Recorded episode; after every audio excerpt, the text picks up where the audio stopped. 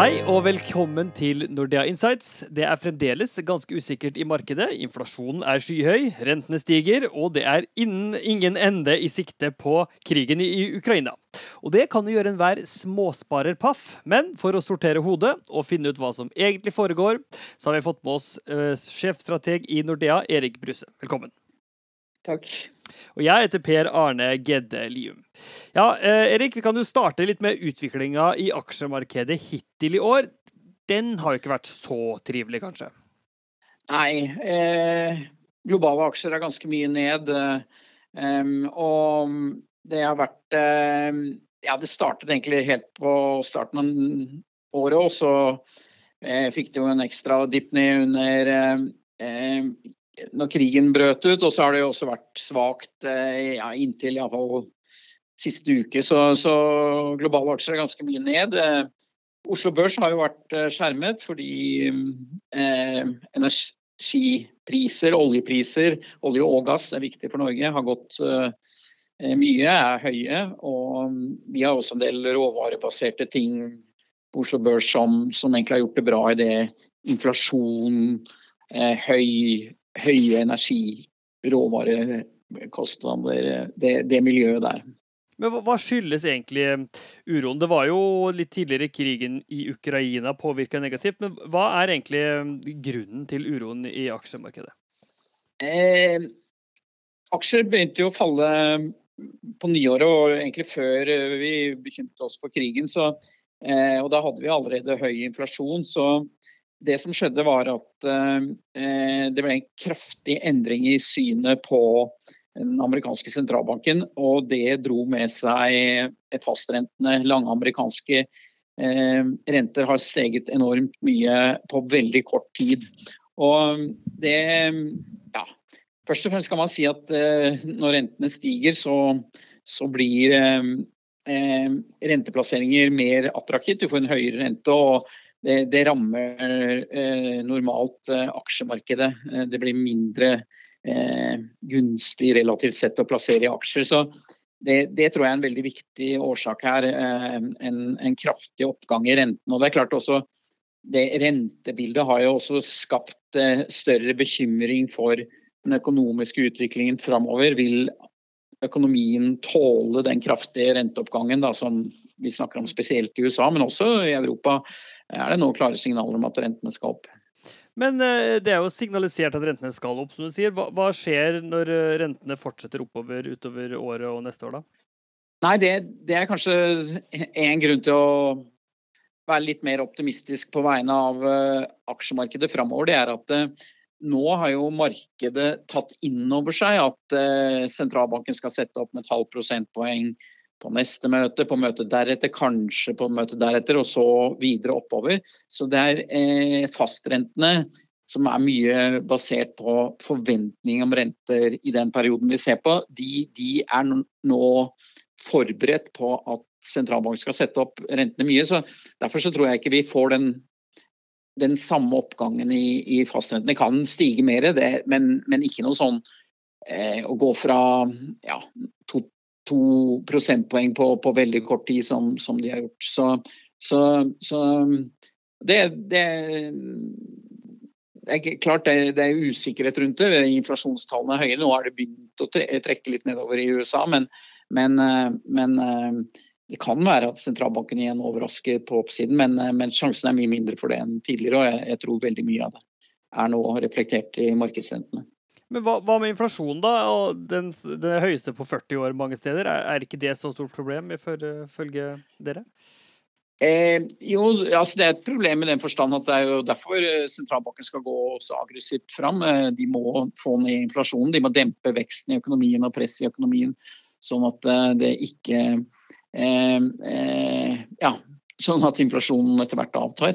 Men for inntjeningen i bedriftene er jo ikke sikkert dette er noe stort problem.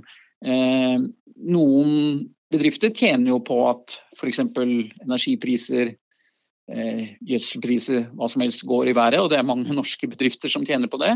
Eh, men vi skal også huske at når det er høy inflasjon, så betyr jo det at det er jo gjerne målt i konsumpriser.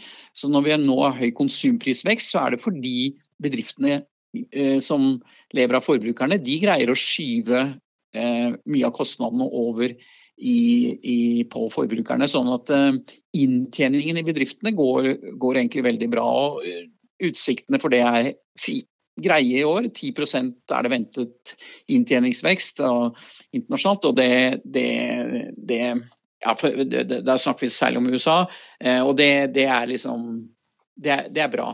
Hmm. Ja, for det, har kommet nettopp et nytt markedssyn, um, og det er jo mange som både er redd for at det skal bli en global nedtur, gå over i en resesjon, men, men, det er du heller ikke så bekymra for? Nei, det som um, hvis man ser på tallene nå, så er det veldig sterk utvikling i etterspørselen fra både forbrukerne og bedriftene. Eh, og spesielt da i USA, som er, er ledende. Og eh, det betyr at eh, en resesjon skal det veldig mye til for at vi ser nå, la oss si det neste året. Forbrukerne har jo spart veldig mye penger under pandemien. De har aldri hatt så høye bankinnskudd stående som de har nå. Eh, formuen deres har steget mye verdi. Og så er det en viktig ting her å huske er at eh, rentene iallfall på folks inntekter i USA virker veldig eh, med tidsetterslep, fordi de har finansiert seg med fastrenter og refinansiert de på lave nivåer, sånn at eh, det tar lang tid før det slår ut i, eh, i, eh, i høyere pris på å betjene gjelden. Sånn som i Norge får vi jo beskjed 14 dager etter at Norges Bank har gjort mm. noe om at rentene skal opp. Så, så jeg, frykter ikke noe, noe resesjon, altså nedgang i økonomien med det første, men, men eh, heller høyere, at det er høyt fortsatt trykk og rentene må videre opp. Men som sagt, det er, det er også da mye prisstigning. Eh, litt til sektorer. For IT er jo en eh, en sektor som Nordea har anbefalt uh, lenge. Men der har det jo virkelig gått på en smell i år. Hva, hva, hva tror du om IT nå og fremover? Nei, altså, IT har jo blitt rammet av den kraftige renteoppgangen. Eh, fordi det er en sektor som eh, Ja, de store IT-selskapene som inngår, de tjener veldig bra penger, og, men de har hatt veldig kraftig vekst i inntjeningen. Og prisingen er også basert på at inntjeningen skal vokse videre. Eh, og er når rentene stiger, så blir framtidige inntekter mindre verdt. Eh, det er alternativet å plassere renter bedre mm. enn å vente på høye inntekter fra, fra eh, inntjeningen i kommende år. Så, så, de er rammet av den kraftige renteoppgangen. Og nå tror jeg, som jeg sa, liksom at mye av det er nå priset inn. Fastrentene kommer til å bevege seg mye mer for, ja, forsiktig opp. Og da tror jeg fortsatt at IT hvis vi ser på de internasjonale indeksene, det inneholder jo de store kvalitetsselskaper, sånn som Apple, som har god prisingsmakt, og som har liksom trenden i retning av mer eh, bruk av, av eh, ja, IT framover eh, med seg. Så, så, vi er positive fortsatt på, på, på, IT, selv om det helt klart har fått mer juling enn vi, vi trodde. Så jevnt over her, ganske optimistisk? Det er, det er, mye usikkerhet, eh, det er helt klart. Eh, det er, veldig mange ting som har skjedd i etterkant av eh, og under pandemien som var veldig vanskelig å forutsi. F.eks. For at vi nå skulle få så skyhøy inflasjon. Det var det ingen som så for seg når pandemien traff oss, at det skulle bli problemet i etterkant.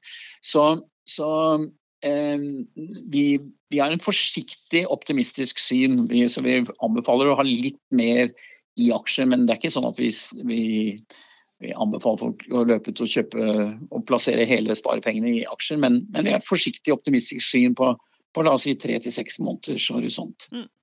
Bare til slutt, Oslo Børs har jo gått liksom litt mot strømmen og gått veldig bra. Du nevnte jo litt innledningsvis pga. høyere energipriser. Er, er, det noe som man kan forvente vil vare? Eh, det, da er vi helt avhengig av hva som skjer med, med olje- og gassprisene framover. Og, eh, der er det jo veldig stor usikkerhet. Akkurat nå er det mye fokus på eh, oljestoppen, da, som den delvise oljestoppen i kjøp av olje fra Europa til Russland. Eh, fra Russland. Så